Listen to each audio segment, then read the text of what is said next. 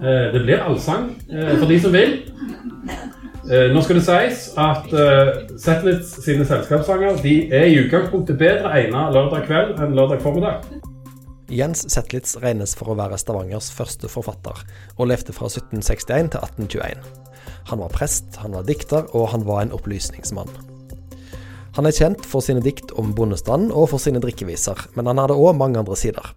Terje Torkelsen holdt Klassikerlørdag på Kiellandsenteret på Sølvberget i februar 2021 om denne spesielle personen i Stavangers litteraturhistorie.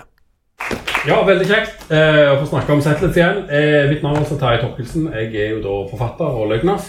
Eh, men har eh, for mange år siden, eh, i ja, 25 år siden, ble det faktisk skrevet en hovedfagsoppgave om Jed Zetlitz. Eh, og det er helt riktig, som Stine sa, det er ganske nøyaktig 200 år siden nå at Jens Zetlitz døde. Og Derfor så tenkte jeg i dette foredraget å snakke litt om de sørgelige sidene ved Zetlitz. Gledens muntre sanger, som han har blitt hettende. Norges Bellman. Eh, Det er det som er blitt hengende igjen. Men eh, stemmer det egentlig? Hadde ikke han egentlig et veldig kjipt liv? Og eh, han, han døde liksom litt sånn gjemt og glemt oppi Kviteseid. Eh, langt vekk fra liksom, København og den, den eh, eliten da, som han tilhørte da han debuterte i 1789. Så det er det vi skal spørre. Var han egentlig så glad og munter når det kom til stykket, og når han for 200 år siden sovna inn etter lang tids smertelig sykdom, som det står? Men vi skal starte med å, eh, det vi vet om, eller det, det mange kjenner til i dag. Settles er jo ikke særlig kjent. Eh, Dette er jo eh, en, en mann som levde for over 200 år siden. da. Og mange av tekstene hans er jo glemt og blir i liten grad brukt. Men den som står her, fra 1789, den er det mange som kan. Så jeg tenkte rett og slett vi skulle prøve å se om vi klarer å synge. Det blir allsang for de som vil. Eh, Nå skal det sies at eh, Zetlitz sine selskapssanger de er i utgangspunktet bedre egnet lørdag kveld enn lørdag formiddag. Eh, men eh, her er altså mine lengsler, og eh, de som kan og klarer å lese dette gotiske, eh, denne gotiske skriften, de kan være med. Hvor såre lite vil dertil for lykkelig at være et muntert sinn, en pikesmil, en venn som gjør deg ære. En hytte som deg skjule kan, sunt brød og kildens klare vann. Så megen visdom at du vil, og bruker denne lære. Gull har sin glans og makt sitt verd, og rangvann nærer ingen. Det er et smukt at være lærd, men det er ikke tingen. Nei, skjelv ei for dårens dom, og tage dagen som den kom, er mer enn gull og ære verd, og det deg røver ingen. O, når jeg ved Lisas barn til kloden kunne sige, jeg har innsluttet i min arm, o jord, din beste pike. Og så en venn ved siden satt, som så meg i min lykke glad. Jeg skulle skjønt forlatt og arm, ei efter mere hige. Til enlig dal jeg søkte hen, min hånd en hytte bygget, som meg min pike og min venn innsluttet og betrygget. Til fruktbarhet jeg jorden tvang, og ved min sved hans godhet sang, som troner høyt i himmelen, men meg min krets betrygget. Jeg fader ble de kjære små, på ømme kne jeg satte, på dem med samme øyne så som gjerrige på skatte. Jeg lette etter moders trekk og kysste barnlig tåre vekk. Jeg jorden skjønn Gud jeg så, som meg på jorden satte. Yeah! Veldig bra. Det er ikke feil at denne sangen, som er Settlitz sin største hit Denne eh, sangen, som kom ut i, po i Poesier i 1789, den forteller egentlig veldig mye om hvem Zetlitz var. Altså Hvis en analyserer dette diktet, så ser vi veldig mye av hans kunstneriske og filosof... Altså hans kunstneriske grunnsyn og hans livsfilosofi. Dette er veldig klassisistisk. Eh, det er rokokko.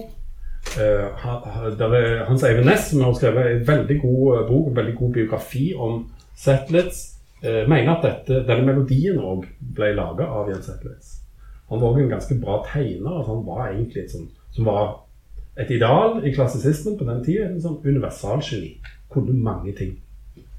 Han var jo også prest.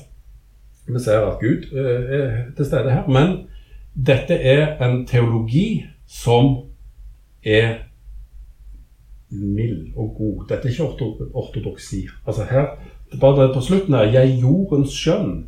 Gud god jeg så, som meg på jorden satte. Altså, før eh, opplysningstid og potetprester og sånn, da hadde du ortodoksi, og da var jorda en jammerdal. Enkelt og greit. Livet begynte ikke egentlig før hun døde. Eh, da, eh, og, men her er det et positivt livssyn. Det er et positivt syn på jorda. Eh, vi ser at eh, han har denne tilbake til naturen, altså til enlig dal jeg søkte hen min hånd en hytte bygget. Altså Dette er et ideal egentlig fra Horas og, og antikken, det gode livet på landet. Eh, I det hele tatt så er denne Horat snakket om Beatus vir, altså den lykkelige mann. Det er egentlig det han skildrer. Det er livet til den lykkelige mann. Men dette er òg en del av uh, altså, Zetle skrev f.eks. òg et stort dikt til Egenes, som handler om oppdyrkinga av Egenes løkker. Så Egenes og Løkkeveien eh, henger i hop med dette her. Som var eh, da en del av det som kalles fysiokratismen, altså borgerskapet, som begynte å interessere seg for landbruk og jordforbedring og begynte å lage da, landsteder. Vi kjenner Ledål, som på dette tidspunktet heter Kanan. Eh, Holmegenes ble bygd i denne perioden.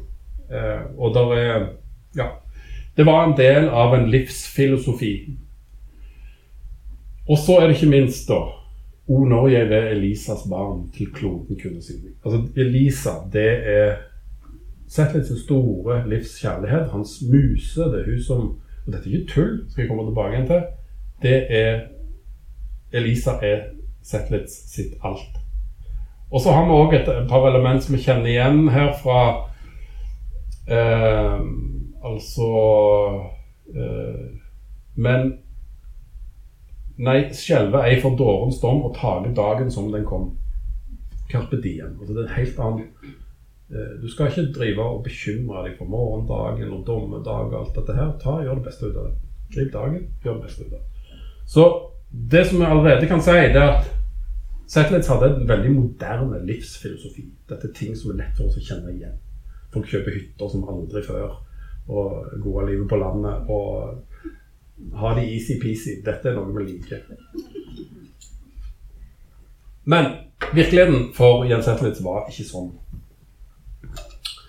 Eh, og det var eh, mye sorg og elendighet i Jens Settlitz sitt liv. Skal bare si litt først om hva Jens faktisk skrev, og hva som har blitt skrevet om han, og litt om det som vi kaller for resepsjonshistorie. Altså hva, hvordan har, eh, de, har vi lest Settlitz opp igjennom historien? Jeg starter her uh, først med uh, de, de, bøkene han sjøl skrev. Uh, 1789, poesier. Det er Skal vise den senere. eh, eller det var den som min innleggslaget var for, det er etter min mening Rogalands første egentlige bok i moderne forstand. Zetlitz er den første moderne forfatteren. altså Han første som kaller seg for dikter. Og dette er ei forrektig bok. Det ligner på ei diktsamling, sånn som vi kjenner det i dag. Eh, det var skrevet ting av rogalendinger før. Tormod Torfeus skrev eh, historie. Eh, og før han Peder Clausen Friis. Eh, altså på 1600-tallet noen topografiske skrifter som ble trykte, men gjerne trykt etter de var døde. Og det var egentlig ikke bok i moderne forstand som liksom hadde en allmenn utbredelse. Bøkene var altfor dyre til det. Det var veldig sjelden det ble trykt bøker. Men som dere ser her, så hadde Zetlitz en produksjon som minner om moderne forfatterskap. Han øh, ga ut Egenes, som var et stort dikter. som sagt. Sanger for den norske bondestand kom i 1795. Salmer samme året. Norsk høst 1800. Og så kom Al-Koranen i 1806. Og så kom en øh, sanger for den norske bondestand igjen i 1812 som nytt opplag. Dette er litt oppsiktsvekkende. Uh, og så er det da, blir prediken over leilighetstaler gitt ut posthumt etter han er død. Egenes kom igjen. Eh, Samla dikter i, 20, i, 1825 i to bind. Sang for den norske bondestand igjen i 1848. Dette vitner om en veldig stor utbredelse. Husk på denne tida her det var, altså Bøker hadde Det var tross alt for folk som hadde penger. Eh, og eh, ja, det var, det var, jo for så vidt et veldig viktig poeng for, for uh, Settlitz med bondediktningen at den skulle få stor utbredelse. Sånn sett så hadde han suksess med det. Eh, men eh, vi må, må, anta at utover på 1800-tallet så var det veldig mange i Norge som kjente til Settlitz, mange av Settlitz sine sanger. Og da i 1853 kommer de igjen, altså i, i et, eh, en samling som ble, hadde veldig stor utbredelse mellom, altså med Bruns og Frimanns og Settlitz sine sanger. Der hadde Zetlitz, vidt jeg husker, flesteparten. Igjen utvalg i 1886. Og så begynner det liksom å avta, da. Og da er klart noen, 100 år etter at Zetlitz debuterer, så har vi en helt annen litterær produksjon. Og litteraturen er egentlig helt annerledes. Det, det har skjedd veldig mye. Vi har fått helt mye har fått helt andre litteratursyn. Profesjonelle forfattere med i den norske gullalderen osv. Uh, eh, så da må vi begynne å snakke om uh, Settlets sin resepsjon. Altså hva, hvordan blir Zetlitz da sett på så lenge etter han sjøl levde? Og her, eh, de siste 150 åra, så har dette denne resepsjonen endra seg. Så det som først og fremst er situasjonen nå, da, det er jo at Zetlitz har en, sine sanger har en språkdrakt som gjør at den er veldig altså, vanskelig tilgjengelig. Så unge mennesker i dag vil knapt være i stand til å forstå de tekstene. Eh, mens for eh, 150 år siden så var det da, da var det nokså moderne dansk. Det som var problemet til Zetlitz, og som blir kommentert bl.a. I, i utvalget i 1886, det er at det var ikke lenger greit at prester drakk vin og skrev drikkeviser. Der hadde verden forandra seg. På Zetlitz sin tid, og vi syns jo dette er litt rart altså jeg husker Det var jo en av de tingene som jeg tenkte at, som gjorde meg interessert i Zetlitz. det var at Dette var jo rart en prest som drev og skrev drikkeviser og liksom var en skikkelig begersvinger. Hva var dette for noe? Det var jo liksom rock'n'roll. Eh, men på, i Satellite samtid så var dette helt altså Han var ikke noen drukkenbolt, selv om mange i ettertid har sett på han som det. Og eh, til, Det var skrevet noe tidlig på 20-tallet som jeg ikke fant her, men eh, der det egentlig ble kommentert at og det var en slags hovedfagsoppgave eller noe sånt, der Satellite sine siste år det var virkelig ikke noe å skrive om. For da handler det om å svire og drikke med bønder i Telemark. Og det var, liksom, det var mye løgne historier og rykter der som liksom ikke passet seg. og var, Han hadde en, et sørgelig endelig sånn sett. Eh, det skal jeg komme tilbake igjen til. Men da må vi huske på at det var under forbudstida. Altså det, det var, alkohol var skikkelig bannlyst eh, rundt 1920. Så blir det egentlig sett litt, litt sånn glemt, men så tatt fram igjen når vi begynner å interessere oss for det lokale i litteraturen, egentlig på 60- og 70-tallet. Så gjør uh, Ringåsbrødrene et viktig arbeid for å få fram eh, sangene hans igjen. Det ble skrevet en hovedfagsoppgave. 'Reise fra Stavanger til Vikedal' ble gitt ut altså, som eget skrift. Ja, I 1868. Uh, vi har lokale forlag da. Altså, det er faktisk ganske viktig. Det, det, forlag, Litteraturen var ekstremt sentralisert før. Altså, når Zetlitz opererte, så, så var det ikke forlag som kunne gi ut bøker i Stavanger. Det var bare i København og Bergen, knapt i Kristiania, at det gikk an å gi ut bøker. Um, men Else Breen gjør en, en, veldig viktig jobb her som, med å trekke fram igjen da 'Gledens muntre sanger' på 1970-tallet. Men som alle tider så er jo den tida prega av sitt blikk. Og eh, det som preger den da, det er at en er interessert i den rabulistiske sida ved Jens Zetler. Den revolusjonære, liksom det at han var litt crazy og skrev at Slyngler heves til ærens topp og sånn i 1789. Ikke sant? Dette er revolusjonsåret. Eh, det er det var, og I tillegg tenk, tror jeg et litt sånn marxistisk uh, historiesyn.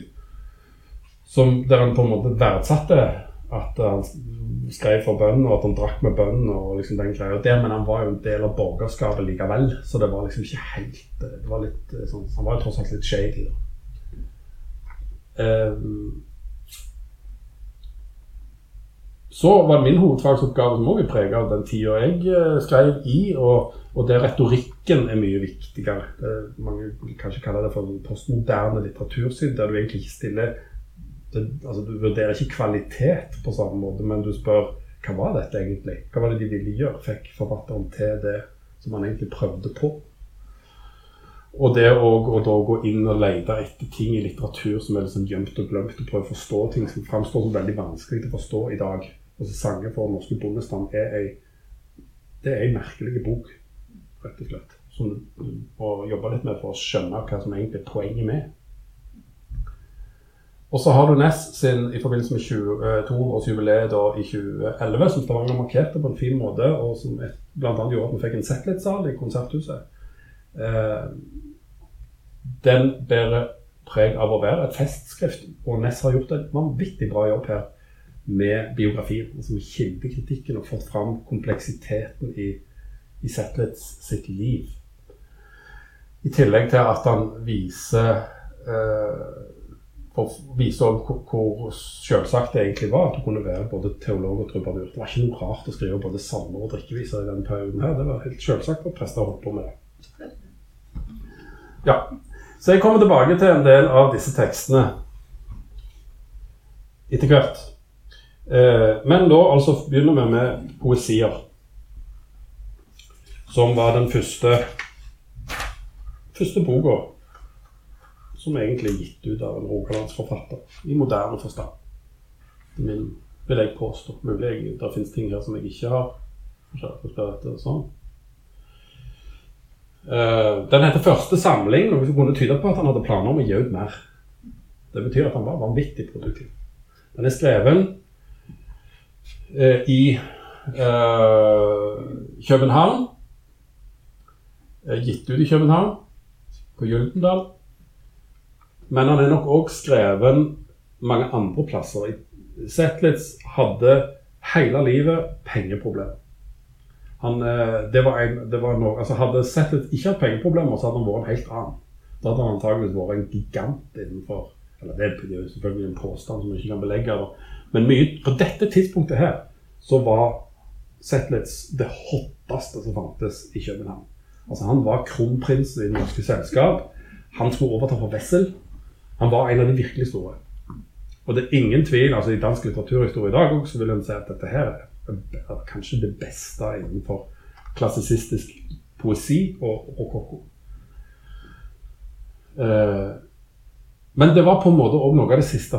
Og det er nok en viktig årsak til at Zetlitz fikk den eh, skjebnen som han fikk. Som vi ser, var òg denne boka mi rektor A. E. Eriksens boksamling som ble kjøpt inn av Stavanger by i 1913. Uh, eh, og det er jo òg en ting altså, Det er helt riktig å jobbe med Zetlitz her på biblioteket og på Kielland Kiellandsenteret av mange grunner, men han var jo faktisk den, han var med og starta bibliotekene.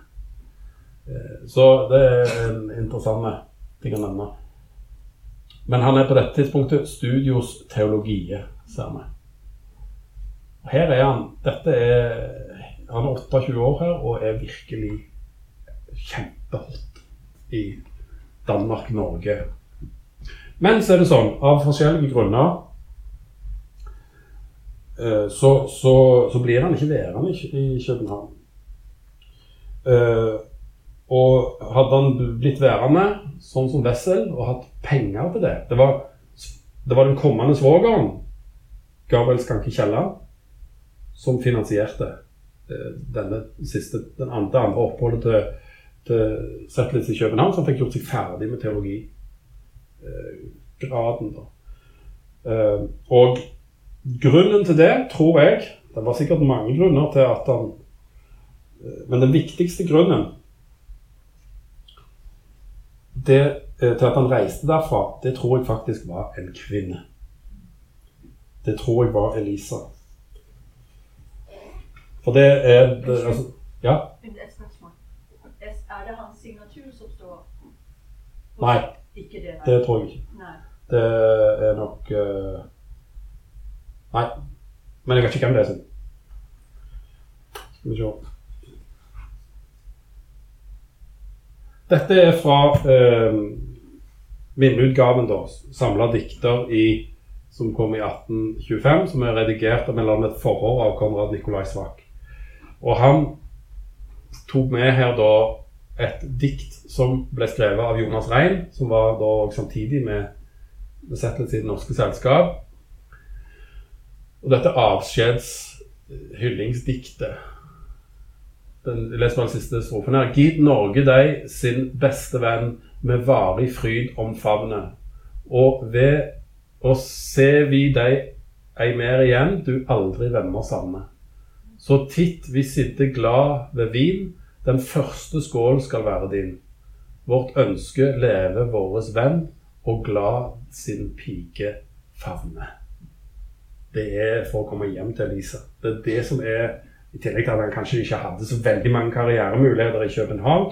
Men ingen tvil om at han var savna, og etter Zetlitz dro fra København, så eh, Og med han selvfølgelig en del andre, og en del av de, de eldste medlemmene i Norske Selskap var jo på, på dette tidspunktet ganske gamle, så eh, ja, forsvant egentlig Norske Selskap som en viktig arena da, for, eh, for kultur og politikk i København.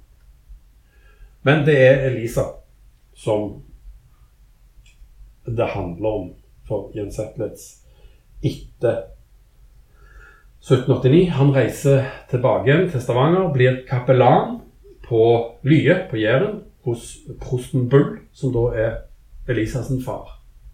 Så han flytter inn hos svigerfamilien, forlover seg med Elisa og gifter seg da etter hvert med henne.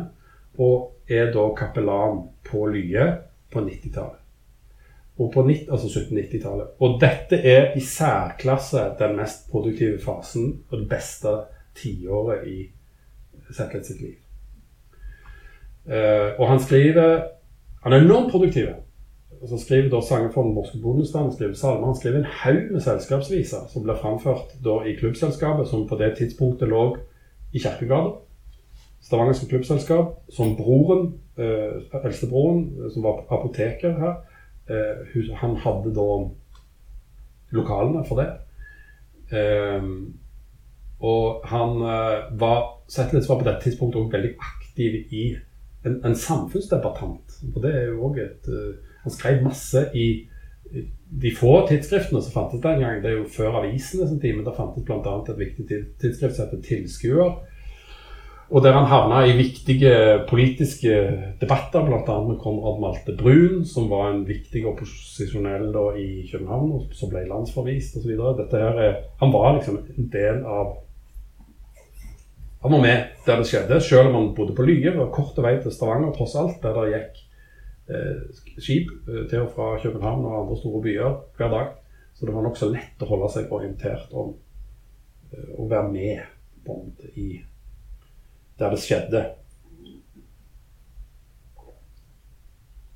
Og eh, på dette tidspunktet så begynner han da å skrive denne bondelitteraturen.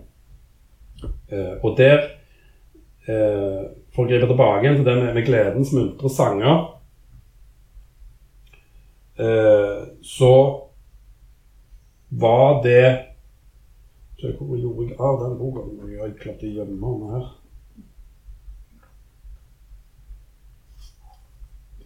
Skal vi se, var det den? Ja. Du synger litt igjen. Dette er umulig å synge, da. Det blir nok til at jeg synger dette alene. Fordi at det som han gjorde òg, skriver han, eh, det at eh, i den første utgaven av Sanger fra norske bondestand, så eh, for å spare penger, for å gjøre dette, disse bøkene så billige som mulig, sånn at bøndene faktisk hadde råd til det En ting var at han sa nei til honorar. Han fikk trykt det hos en boktrykker i Bergen som ikke ville ta betalt. Og så trykte han de med eh, sånn som i salmebøker, at de, de ble liksom klemt eh, sammen, sånn at det ikke er noe luft mellom teksten. Så dette er originalen fra 1795. Eh, og jeg skal synge da sang når noen av husets folk er ute i Revnefolk. Eh, og det er en interessant sang av mange grunner. Det ene er at han bruker Det gjør han i sangen på Norske Bondestad, Han bruker en del dialekter. Eh, så han er jo da ikke alene, men sammen med en del andre. Edvard Storm bl.a. Den første som begynner å bruke dialekt og norske begrep. Og her er det mye jærsk. Eh, F.eks. 'Vise for en hjertelig jente', som kanskje er den første teksten med, eh, på norsk, eller skrevet av norsk forfatter, som har jente som litterært subjekt. Eh, på Bagen har jeg i mange år. Jeg heter Badene når jeg er hjemme. Sånn. Men her skal jeg synge denne. Og det som en skal vite, og, og som gjør det veldig imponerende, det som, som Settles gjør når man bor på Jæren Vi har lett for å tenke at ja, han tilhørte overklassen. Sant? Ja, han var prest, han hadde gode dager. Sant? En gudstjeneste på søndag og kanskje noen konfirmasjoner på våren. og that's it, En annen begravelse. Eh, sånn var det ikke. Altså, han var kapellan. Det vil si at han antageligvis hadde Han jobba pretty much for kost og losji hos svigerfaren. Og det at han da var kapellan på Lye, det betydde at han hadde ansvar for omtrent det som i dag er Gjesdal kommune. Alene. Uh, Svigerfaren var på dette tidspunktet nesten 70 år, så han hadde nok uh, ansvar for, for, det som i dag omtrent tilsvarer Klepp kommune, som er litt Eller Time, det kanskje? Ja, Time kommune. Som var mer folketett og mye lettere å ta seg rundt i. Det betyr i praksis at han som kapellan han hadde ansvar for uh, ja, var det en begravelse i Hundadalen, så var det hans jobb å dra dit. Eller fra Frafjord. Altså, dette, her, dette er enorm avstand. Tenk på vinteren hvordan det har vært. Eh, han hadde nok hesteskyss og sånt, men han, eh, han, eh, Det var en del av hans jobb. Og det, altså, eh, han, igjen, han sier det mest uten en vanvittig bra jobb med å vise hvordan alt det de gjorde, disse prestene. Så de var jo egentlig det som var Alt det som en kommune gjør i dag det gjorde en prest. Eh, og han viser i et tilfelle at jeg lurer på det var det var riktignok to stykker som delte på det, at det var 260 forskjellige rettstvister som de måtte avgjøre i. Eh, I tillegg til alle disse begravelsene og barnedåpene og gudstjenestene og i, ja, i det hele tatt. Så her har han da er et eksempel på en sang som er ei bondevise. Eh, som eh, da Og alt dette er brukslyrikk. Han forteller jo, Tittelen forteller hva tid du skal bruke dette. Det er en sang når noen av husets folk er ute i rennefolk. Snefogget driver og stormene tuder. Ei er en stjerne på himmelen at se.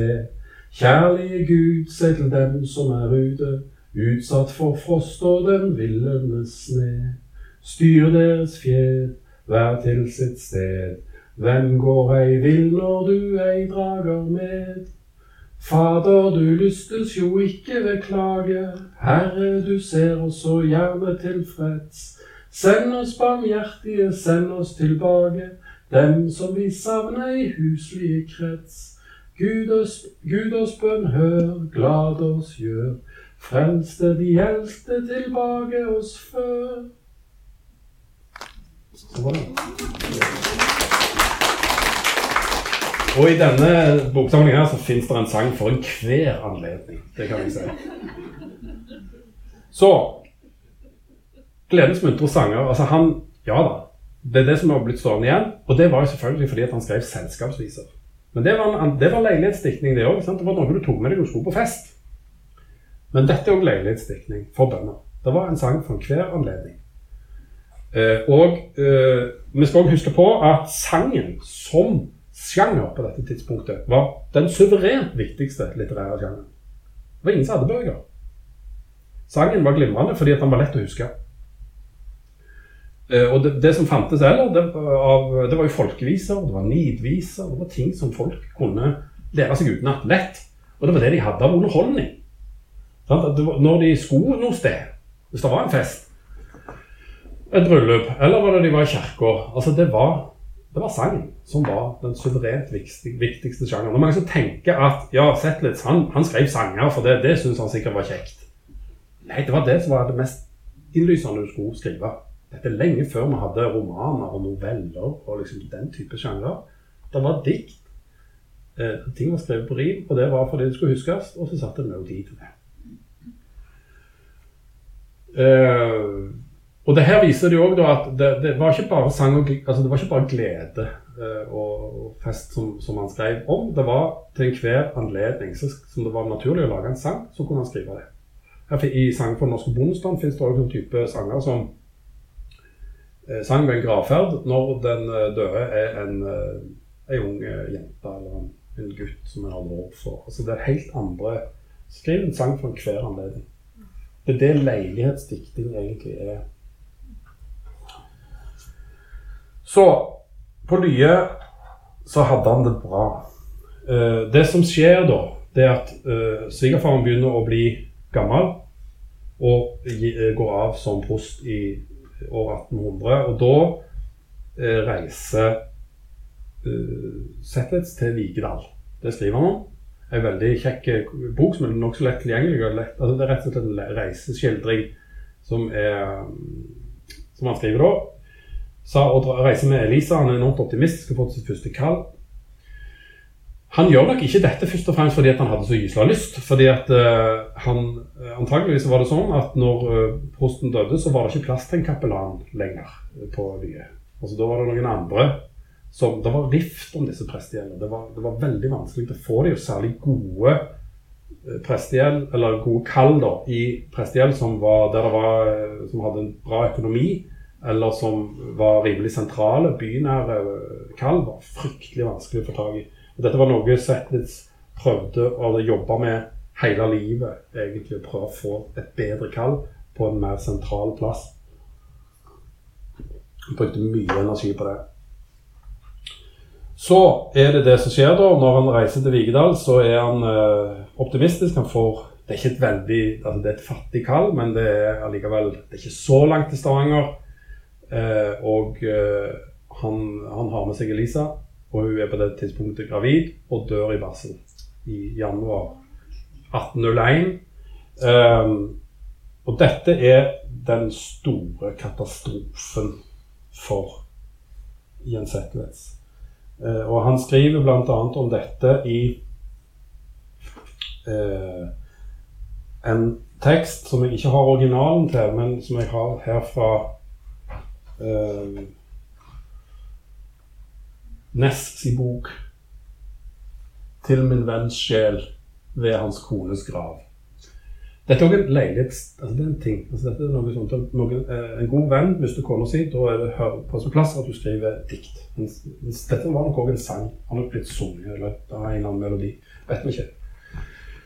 Eh, og eh, kona til Sjel var òg altså egentlig vel da eh, Zetlitz i svigerinne. Altså hun var søster til Gabriel Skanke Kielland. Hun heter Engel Arends Kielland, mener jeg. Det som Ness også gjør, som er veldig bra i denne boka, der han viser hvor utrolig tett sammen sammenvevd borgerskapet var i Stavanger. Altså, på den tida der, nettverk var alt. Det var det som var sikkerhetsnettet ditt. Så hadde du en relasjon til, eh, til folk så, eh, gjennom slekt eller kompaniskap eller vennskap, så, så var du sikra, og en måtte bruke disse. fordi at livet var skjørt. Altså, de som, selv de som hadde veldig mye penger i denne byen, de drev med shipping. Sant? Vi er her på dette inngangen til 1805. Det er to år før flåderanet i København. Vi begynner å nærme oss uh, napoleonskrigen sine aller tøffeste år. Men uansett. Det første av verset her Mitt hjertes og min Og dette er jo altså fire år etter at uh, Jens Etter mista Elise. Mitt hjertes og min sjeles broders sjel, ei trøstende min musa til deg treder. Vi levet har vårt livs den beste del. Vi jordet har vårt livs de beste gleder. Dypt ligger det, dypt i min knuste barn, at intet hell kan trylle meg tilbake, ei skyggen blott av hine skjønne dager jeg levet har i min Elisas hav. Den første elsker er den eneste. Den ørkner om til paradiser skaper. Zetlitz hadde gifta seg på nytt, men det var ikke noe Det var nok et fornuftsekteskap. Eh, og han kom aldri egentlig over tapet av Elisa. Nå skal jeg ta for meg en bok som er veldig rar. Som heter Al-Koran. Som da altså egentlig er Koranen kjente til Koranen. Eh, men det har ingenting med islam å gjøre. Det er rett og slett at han, han bruker bare den tittelen pga. måten han deler det inn på. Eh, Kapitlernes bok heter den. Eh, og dette var noe som det er litt rart han har fått gitt ut, egentlig. Men det er den første, eneste boka der han skriver prosa. Den eneste boka der han er skikkelig eh, direkte, kan vi si. Og her skriver han om døden. Det forteller veldig mye om hvordan han egentlig hadde det. Og ja. ja, Det var litt vanskelig å lese det, kanskje. Domine Moss, altså Dødens herre, eller uh, Hva ondt har jeg gjort ham? At han skulle gjøre meg all den fortred han har. Husker han at han gjorde meg faderløs i vuggen og moderløs just da jeg begynte å skjønne den, eh, den, lykke at eie en sådan moder? Husker han at han i en ruff løp bort med min halvbror Mikael Smith Bosse, en yndling som var elskelig både på legen og sjel? At han oftere har øh, få ut mitt hjerte til å bløde ved venners tap, og at han endelig, for at toppmålet, sin samvittighetsløse vilje mot meg ga mitt livs lykke, mitt ånds Jeg klarer ikke å det vanskelig lese der.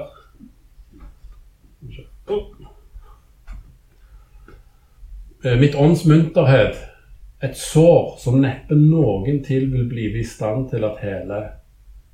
O død, hva tok du ei da du min Elisa tok?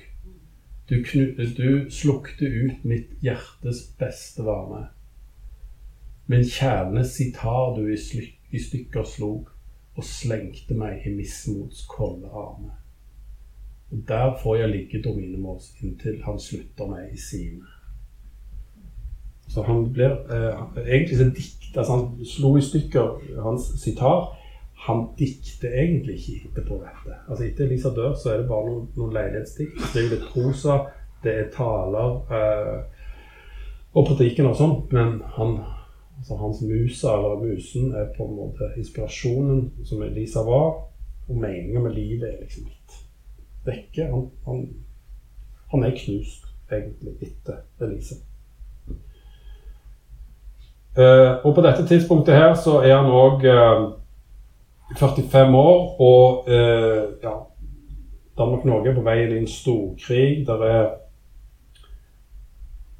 han, han, er, han, han, har det ikke bra på, i Vigedal. Han har store økonomiske problemer.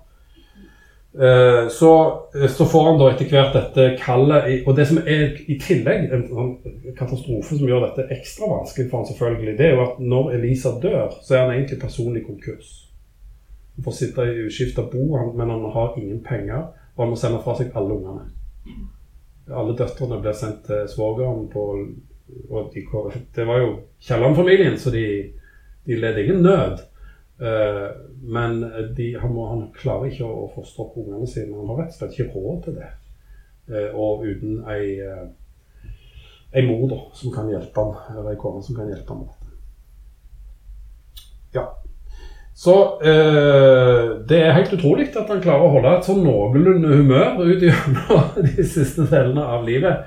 Eh, og det er mange historier om Zetlitz at han, han holder eh, han, han ble, Når han flyttet til, til Kviteseid, Videsø, i 1811 og lever der de siste ti årene av sitt liv, så er det veldig mange fortellinger fra derfra om at både at sangene hans hadde enormt stor utbredelse. Det blir sagt f.eks. at eh, fra gammelt hos Setesdal at kjempevisene, altså en del av folkediktningen i Setesdal, forsvinner på denne tida fordi et Zetlitz sine sanger tar over. Haugianerne de omfavner Zetlitz. Det er litt rart å tenke på, liksom alle drikkevisene og sånn, men bondediktingen til Zetlitz fikk antageligvis veldig stor utbredelse pga. at haugianerne brukte de. Og, og, til, og, alt som er av bondedikting hos Zetlitz, passer veldig godt med haugianerne sin, uh, sitt prosjekt.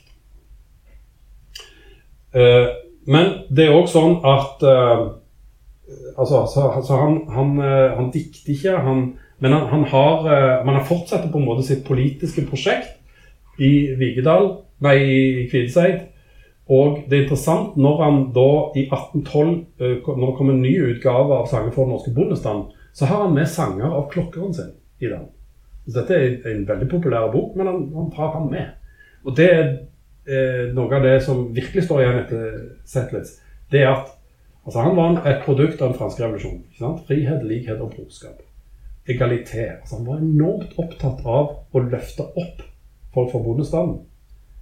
Og, eh, og bidra til utjamning. Altså Det forklarer òg disse historiene om han drev og drakk med bøndene i Telemark. Ja, det gjorde han. For det var hans brorskap den gangen. Altså Da, da var det ikke noen eh, da fantes det ikke noe klubbselskap i nærheten. og sånne ting så det.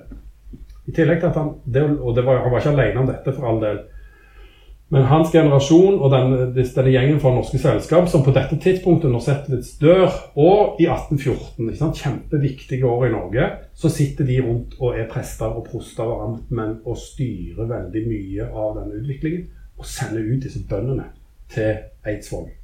Som gjør at vi i 1814 får den mest liberale grunnloven i Europa. Og uh, hele, altså alt skjer etter dette. Du, du får hamskifte i jordbruket. Husker han, eh, kirk, han kjerkehistorikeren på Misjonshøgskolen som heter Tor Jørgensen, han sa at da Jens Zetlitz ble født i 1761, så var barnedødeligheten i Norge på 70 eh, Da han dør 60 år senere, så er barnedødeligheten på 20% Det er klart at det er òg veldig høyt tall, men det, det, en, det fører til en total samfunnsendring.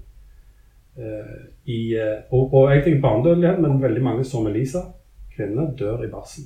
Altså Det å føde på den tida, det var russisk rulett. Det det var ekstremt uh, Et enormt samfunnsproblem, rett og slett. Sånn at, men veldig mye av den, det som disse opplysningsprestene da gjør i denne fasen, det endrer samfunnet vårt fullstendig utover på 1800-tallet. For uh, ny hygiene, vaksine, etter hvert kommer det utvandring som fører til nye impulser fra Amerika. Altså, der er, ja, der er en, en, en voldsom samfunnsendring som skjer. Og jeg tror at eh, grunn, altså, Vi skal være veldig stolte av Setnitz, for veldig mye av det som han sto for, er ting som vi har som, er, som i dag vil se på som veldig gode verdier. Men i det øyeblikket han dør, eller på den tida da han dør, så er han litt avleggs, rett og slett. Han tilhørte den siste altså For det første så var det politisk utrolig vanskelig både å holde seg orientert der han uh, var liksom i utkanten, enten det var i Vigedal eller i Kvinesøy. Uh, det er enormt mye som skjer. Sant? Og du har uh, den største krigen som eller, altså, Napoleonskrigene er jo den krigen der i særklasse har dødd flest nordmenn opp gjennom historien. det var veldig vanskelig å være politisk i den perioden der. Det var en unntakssituasjon. Um, teologisk så er egentlig Vi har lett for å tenke at han må være litt sånn liberal og løyen han uh, en Settlitz der og drakk med bønder og drev med liksom, utlagte leseselskaper og drev med opplysningsarbeid og sånn. Han var egentlig ikke det. Han var nok nokså moderat. Måtehold var et veldig viktig ideal hos uh, Settlitz og hos klassisistene. Uh, men og han hadde en veldig altså han hadde en opplysningsteolog som var biskop i Kristiansand, som heter Hansen, som, som fremma disse leseselskapene og liksom ville løfte opp allmuen. Men det var ikke en sånn reinhekla fornuftsreligion. Det var det ikke. Det skriver Settlet sånn i, i, i Al-Koran. I tillegg så var det noe annet spennende som skjedde omtrent, eller noen få år før Zetlitz skriver om Al-Quran. eller skriver Al-Quran, og Det skriver han om, jeg tror jeg skal avslutte med det, faktisk. Og Dette var noe som jeg oppdaga nå, som jeg ikke har sett før. Veldig merkelige. Han innleder med å uh, skrive om apen. Hva er, hvorfor i verden gjør han det? Og han sier òg her Jeg gjør da fordring på navnet Aben. Ikke at eh, jeg jo ser at deres navn er legio, for hvis større rett til benevnelsen jeg med ærbødighet må vige, til jeg tilstår at min sjel er altfor lidet elastisk til en, eh, i en håndomvending at kunne sno meg inn i all dagens eh, lett skiftende former. Men dog påstår jeg at det er noe avaktig ved meg. Det er to ting som jeg fra barnsbød av har hatt tilbøyelig til å etterape. A. Det der rørte meg som skjønt og godt. B. Det påfaller hos dåren. Eh, og det som egentlig, altså Hvorfor i verden skriver han dette? Dette er faktisk enormt sånn kunsthistorisk interessant. Dette er en polemikk mot det som står litt lenger oppe her. Eller annet i de herrer Nyrup og Lades Pantheon. Det er en kommentar til den første dansk-norske litteraturhistorie. Der han da skal være med, men der han har blitt kritisert for å ape, etterape mestrene Wessel og sånt. Altså, han er bare det. Han, han er ikke noe Fordi at han, Og han sier òg noe her om at i alle dagens lett skiftende former. For noen få år før Zetlitz gir ut Alkoran, så er det en kar som er født herfra, som gjør noe som forandrer kunsthistorien i Norden for alltid. Henrik Steffens holder sine forelesninger i København i 1881 og 1802, og vi får romantikken. Eh, vi får eh, Danskene får altså Det som bl.a. skjer, det er at Adam Ølenschläger drar hjem etter å ha hørt på Henrik Steffens og skriver 'Gullhornene', som blir innledningen til den danske gullalder. Og etter det, og helt fram til vår tid, så er det ikke mulig å ha et klassisistisk kunstsyn. Romantikken tar på en måte knekken på klassisismen en gang for alle. Og dette skjer i Zetlets si samtid. Han er på en måte den siste klassisist. Siste store klassisist. Zetlets. Og Det gjør at han, han, eh, han har for stor utbredelse. Han er beundra for sin, eh, sin stil og, så, og teknikken, og han er formidabel på rimeriet, og det er alle enige om. Men det er ingen originalitet her. Og det skriver han òg i fortalen til Alkoran. Eh, at, og det, det at det kommer i fortalen, forteller òg at dette er en eh,